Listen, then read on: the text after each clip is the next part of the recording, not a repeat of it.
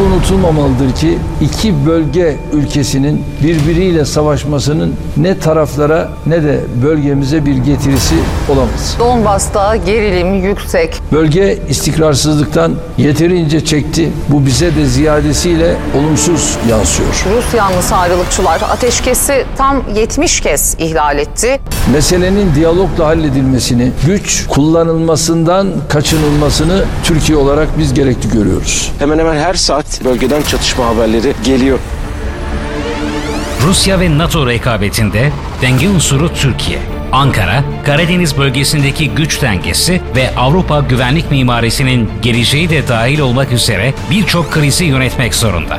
Ukrayna krizi Türkiye için özellikle rahatsız edici iki soruyu gündeme getiriyor. Karadeniz'de bir güç dengesi nasıl korunur? Ve Rusya, Ukrayna ve Batı arasındaki ilişkileri nasıl yönetmeli? Ankara'nın Moskova'ya yönelik politikası hem caydırıcılık hem de diyalogtan oluşuyor. Caydırıcılık açısından Türkiye, Amerika ve İngiltere gibi Avrupa Birliği üyesi olmayan NATO üyesi ülkelere daha yakın. Bu arada Türkiye'nin Rusya ile diyalog politikası başta Almanya olmak üzere AB üyelerininkine benzer şekilde yürütüyor. Türkiye ile bazı batılı ülkelerin mevcut krizdeki tutumları arasında belli bir benzerlik olsa da çıkarlarının yakınlaşması henüz bir işbirliğiyle sonuçlanmadı. Kısa vadede paralel ilerleyen caydırıcılık ve diyalog rotası Türkiye'ye manevralarını sürdürmesi için hala belli ölçüde hareket alanı sağlıyor. Bu durum Avrupa güvenlik mimarisindeki olası bir değişimde sadece Rusya'nın değil, aynı zamanda Türkiye'nin rolünü de tanımlamayı gerekli kılıyor. Ukrayna'da olanlar mevcut Avrupa güvenlik düzeniyle ilgili bir krizin tezahürüdür. Ankara, NATO üyesi olmasına rağmen Moskova için ideal bir ortak. Örneğin Türkiye, Rus S-400 hava savunma sistemi satın aldı ve Rus gazını Ukrayna üzerinden Avrupa'nın güneyine ve güneydoğusuna ulaştıran boru hattı inşa ediyor. Ankara ve Moskova ayrıca Orta Doğu ve Güney Kafkasya'daki çatışmaları yönetmek için hassas bir metot geliştirdiler. Suriye'de İran'la Astana süreci dışında Türkiye ve Rusya ortak askeri devriyeler yürütüyor. Bu arada Azerbaycan'da iki güç, 2. Dağlık Karabağ Savaşı'nın ardından ateşkesi izlemek için ortak bir merkez kurdu. Öte yandan Rusya ile yakın ilişkisine rağmen Türkiye örnek bir NATO müttefikidir. Türkiye'nin Ukrayna krizine yönelik politikası NATO'nun Rusya'ya yönelik genel yaklaşımıyla yani caydırıcılık ve diyalog politikasıyla büyük ölçüde uyumlu. Türkiye, Kiev'e askeri malzeme sağlayarak Ukrayna'nın savunma kapasitesini güçlendirirken Rusya'ya karşı bir caydırıcılık politikası istiyor. Ancak retorik olarak Ankara diplomasiyi seçmeyi tercih ediyor. Dolayısıyla Türkiye, Rusya'yı ağır cezai yaptırımlar ve askeri çatışmalarla cezalandırmaya çalışan herhangi bir girişimden kaçınmaya çalışıyor. Nitekim Türkiye Cumhurbaşkanı Recep Tayyip Erdoğan, Rusya ile Ukrayna arasında ara buluculuk yapmaya hazır olduğunu çeşitli açıklamalarında dile getirdi. Mevcut krizde Türkiye için riskler yüksek. Türkiye için bu kriz, kuzey komşusu Ukrayna'nın güvenliğini, Karadeniz bölgesindeki güç dengesini, Rusya ile karmaşık ilişkilerini ve Avrupa güvenlik mimarisinin geleceğini içeriyor. Ukrayna ve Karadeniz Türkiye ve Ukrayna, Ukrayna Dışişleri Bakanı Dimitri Kuleba'nın ifadesiyle birbirine ihtiyacı olan gerçek dostlar. Nitekim karşılıklı çıkarları doğrultusunda oluşturdukları askeri teknik işbirliği bunu kanıtladı. S-400 hava savunma sistemlerinin satın alınması, Suriye'deki askeri operasyonlar ve son Dağlık Karabağ ihtilafı sırasında Azerbaycan'a verdiği askeri destek Ankara'yı batılı müttefiklerinin yaptırımlarıyla karşı karşıya bıraktı. Sonuç olarak Türkiye askeri tedarik ve üretimde ciddi kısıtlamalarla karşı karşıya kaldı. Bunların en önemli olanı Türkiye'nin insansız hava araçları ve savaş uçakları için motor ihtiyacı. Ankara bu sorunu Ukraynalı üreticilerin yardımıyla çözeceğine inanıyor. Azerbaycan'ın 2020 sonbaharında Dağlık Karabağ Savaşı'ndaki askeri zaferi Ukrayna'nın Türk insansız hava araçlarına olan ilgisini arttırdı. Ayrıca Ukrayna deniz kapasitesini arttırmak için iki adet Türk ada sınıfı korvet sipariş etti. Türkiye, Ukrayna ve Türkiye arasındaki yüksek düzeyli stratejik konseyin Nisan 2021 tarihli ortak bildirisinde Ukrayna'nın NATO üyeliği perspektifi ve özellikle Ukrayna'ya üyelik eylem planının verilmesi konusunda desteklerini gösterdi. Ukrayna'da Karadeniz'de Türkiye için vazgeçilmez bir ortak. Daha spesifik olarak açıklarsak, bir Türk yetkiliye göre Ukrayna bölgedeki Rus etkisini ve baskısını durduran bir baraj gibidir. 1774'te Rus İmparatorluğu'nun Kırım Yarımadası'nı işgaliyle birlikte bölgede Osmanlı-Rus hakimiyet mücadelesi başladı.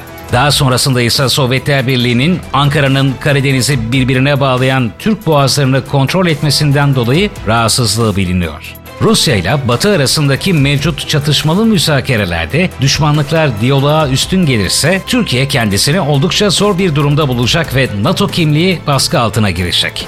2014 yılında Türkiye, Rusya'nın Kırım'ı ele geçirmesini yasa dışı bir ilhak olarak ilan etti. Ancak Moskova'ya karşı yaptırım rejiminde batılı ortaklarının yanında yer almadı. Bu kararda Türkiye'nin enerji, turizm ve ticaret gibi alanlarda Rusya'ya ekonomik olarak bağımlı olması önemli rol oynadı. O zamandan beri Türkiye-Rusya ilişkisi bölgesel çatışma yönetimini, nükleer teknolojiyi ve gelişmiş silah sistemlerini kapsayacak şekilde birbirine daha bağımlı hale geldi. Bir bölgedeki denge bozulursa özellikle Orta Doğu ve Güney Kafkasya'da bölgesel çatışmalar da dahil olmak üzere diğer alanlara da sıçrayabilir. Bir Rus-Türk çatışması durumunda Rusya ile ilişkilerinde Ankara'nın aşil tendonu olmaya devam eden Suriye sahası Moskova'nın misillemesi için en olası arena olacaktır. Buna karşılık post-Sovyet coğrafyası Rusya'nın Ankara ile olan bağlarında kırılganlık alanlarından. İstanbul, Ukrayna, Rusya ve Avrupa Güvenlik İşbirliği Teşkilatı yani AGİ temsilcilerinin yer aldığı Ukrayna Üçlü Temas Grubu toplantıları için şimdiden Minsk'e olası bir alternatif olarak değerlendiriliyor. Avrupa güvenliği ve geçiş sürecindeki uluslararası düzen Putin'in güvenlik garantisi talepleri arasında NATO'nun doğuya doğru genişlemesinin önlenmesi, Sovyet sonrası devletlerle askeri işbirliğine son verilmesi, nükleer silahların Avrupa'dan geri çekilmesi ve Rusya'yı potansiyel olarak tehdit edebilecek herhangi bir saldırı sisteminin bulunmaması yer alıyor. Kısacası Moskova'nın istediği mevcut Avrupa güvenlik mimarisini değiştirmek. Ama neden şimdi? Rusya açısından geçen yıl Washington'da alınan iki karar önemliydi. Birincisi NATO güçlerinin Ağustos 2021'de Afganistan'dan çekilmesi, ikincisi Eylül 2021'de Avustralya, İngiltere ve Amerika'nın AUKUS arasındaki üçlü güvenlik anlaşmasının duyurulması. Daha da önemlisi hem NATO'nun Afganistan'dan çekilmesi hem de AUKUS, Batı'nın bütüncül hareket etme kapasitesindeki ve Washington'ın jeostratejik önceliklerindeki genel değişikliğin sinyali olarak yorumlandı. Ankara, Yunanistan ve Fransa için 2021 sonbaharında imzalanan ve Türkiye karşıtı bir eğilimle yürütülen savunma anlaşması, Batı güvenlik mimarisinde ortaya çıkan yeni paralel güvenlik ortaklıklarını gösteriyor. Özellikle NATO içindeki bu tür bir parçalanma Türkiye'yi gerektiğinde ikili güvenlik düzenlemeleri yapmaya daha fazla motive edecektir. Şimdiye kadar mevcut Ukrayna krizinde Türkiye ve diğer NATO ülkeleri Rus revizyonizmine karşı çıkmada aynı sayfada görünüyorlar. Ankara, Soğuk Savaş sonrası jeopolitik statükoyu korumanın maliyetinin giderek arttığının farkında. Bununla birlikte jeopolitik revizyonizmin maliyeti kıyaslanamayacak kadar yüksek. Dolayısıyla Ankara için statükoyu korumak bir tercih meselesi değil, kötünün iyisini tercih etmek anlamına geliyor. Ancak asıl sorun Türkiye'de dahil olmak üzere tek tek ülkelere daha fazla manevra alanı sağlayan bu çatışmaya nasıl yaklaşacağı konusunda NATO içinde bir fikir birliği olmamasıdır. AB üyesi olmayan NATO üyeleri yani Amerika, Birleşik Krallık ve Türkiye Kiev'e askeri teçhizat, özellikle de silahlı insansız hava araçları sağlama konusunda çok daha aktif bir dış politika benimsedi. Öte yandan Türkiye'nin tam caydırıcılık yerine diyalog vurgusu Almanya gibi NATO'nun AB üyesi ülkelerle de paralel. Türkiye, Ukrayna ve Rusya arasındaki krizde açık bir şekilde rol almaya çalışmasına rağmen hem Ukrayna kriziyle ilgili batılı iştiharelerde hem de Avrupa güvenliğine ilişkin genel tartışmalarda bariz bir şekilde yer almadı. Amerikan Başkanı Joe Biden'ın 24 Ocak'ta Rusya ve Ukrayna üzerine düzenlediği video konferansta Avrupa Komisyonu Başkanı Ursula von der Leyen, Avrupa Konseyi Başkanı Charles Michel, Fransa Cumhurbaşkanı Emmanuel Macron, Almanya'dan Olaf Scholz, İtalya Başbakanı Mario Draghi ve NATO Genel Sekreteri de yer aldı. Fakat Polonya lideri Andrzej Duda, İngiltere Başbakanı Boris Johnson ve Erdoğan yoktu.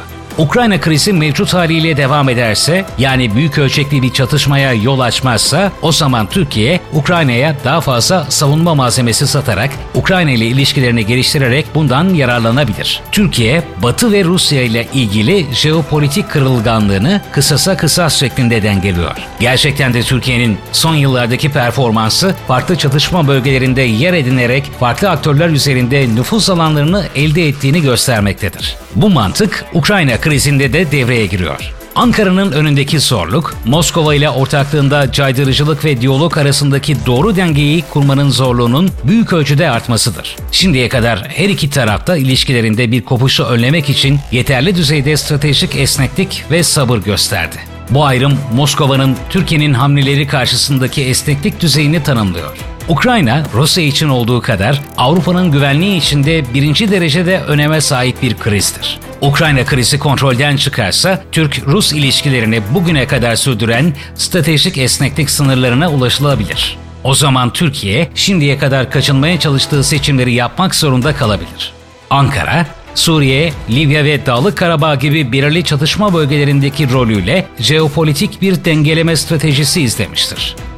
Ancak Moskova için Orta Doğu ve Afrika'daki krizlerle yakın çevresindeki krizler arasında önemli bir fark var. Moskova eskiye jeopolitik güç, etki ve statü projeksiyonu perspektifinden bakıyor. Sovyet sonrası alanı ise arka bahçesi olarak görüyor. Türkiye-Batı ilişkilerine ilişkin olarak Türkiye'nin çevresindeki bölgelerdeki mevcut krizler dizisi Ankara ile Washington ve aynı zamanda Avrupalı ortaklar arasında daha fazla alan açıyor. Ukrayna, Afganistan ve Bosna Hersek açısından durum böyle. Değişen Avrupa güvenlik düzeninde Ukrayna krizi Türkiye için ne anlama geliyor? Clinton, Bush ve Obama yıllarında Rusya ve Batı ilişkileri büyük ölçüde sözde yumuşama başlığı çerçevesinde tartışıldı. Ankara'ya gelince 90'ların sonunda ve 2000'lerin ilk 10 yılında Türkiye-Avrupa ilişkileri Türkiye'nin Avrupa Birliği'ne katılıp katılamayacağı etrafında dönüyordu. Kendi özel dinamiklerine ve özelliklerine rağmen her iki çevrede artık yürürlükte değil. Rusya-Batı ilişkileri uzun zamandır yumuşama sonrası yeni bir aşamaya girdi ve Türkiye-Avrupa ilişkileri de benzer bir döneme girdi. Ancak Avrupa güvenliğinin gelişene ilişkin mevcut tartışmalar bu gerçeklerle tam olarak uyuşmuyor. GDH Dijital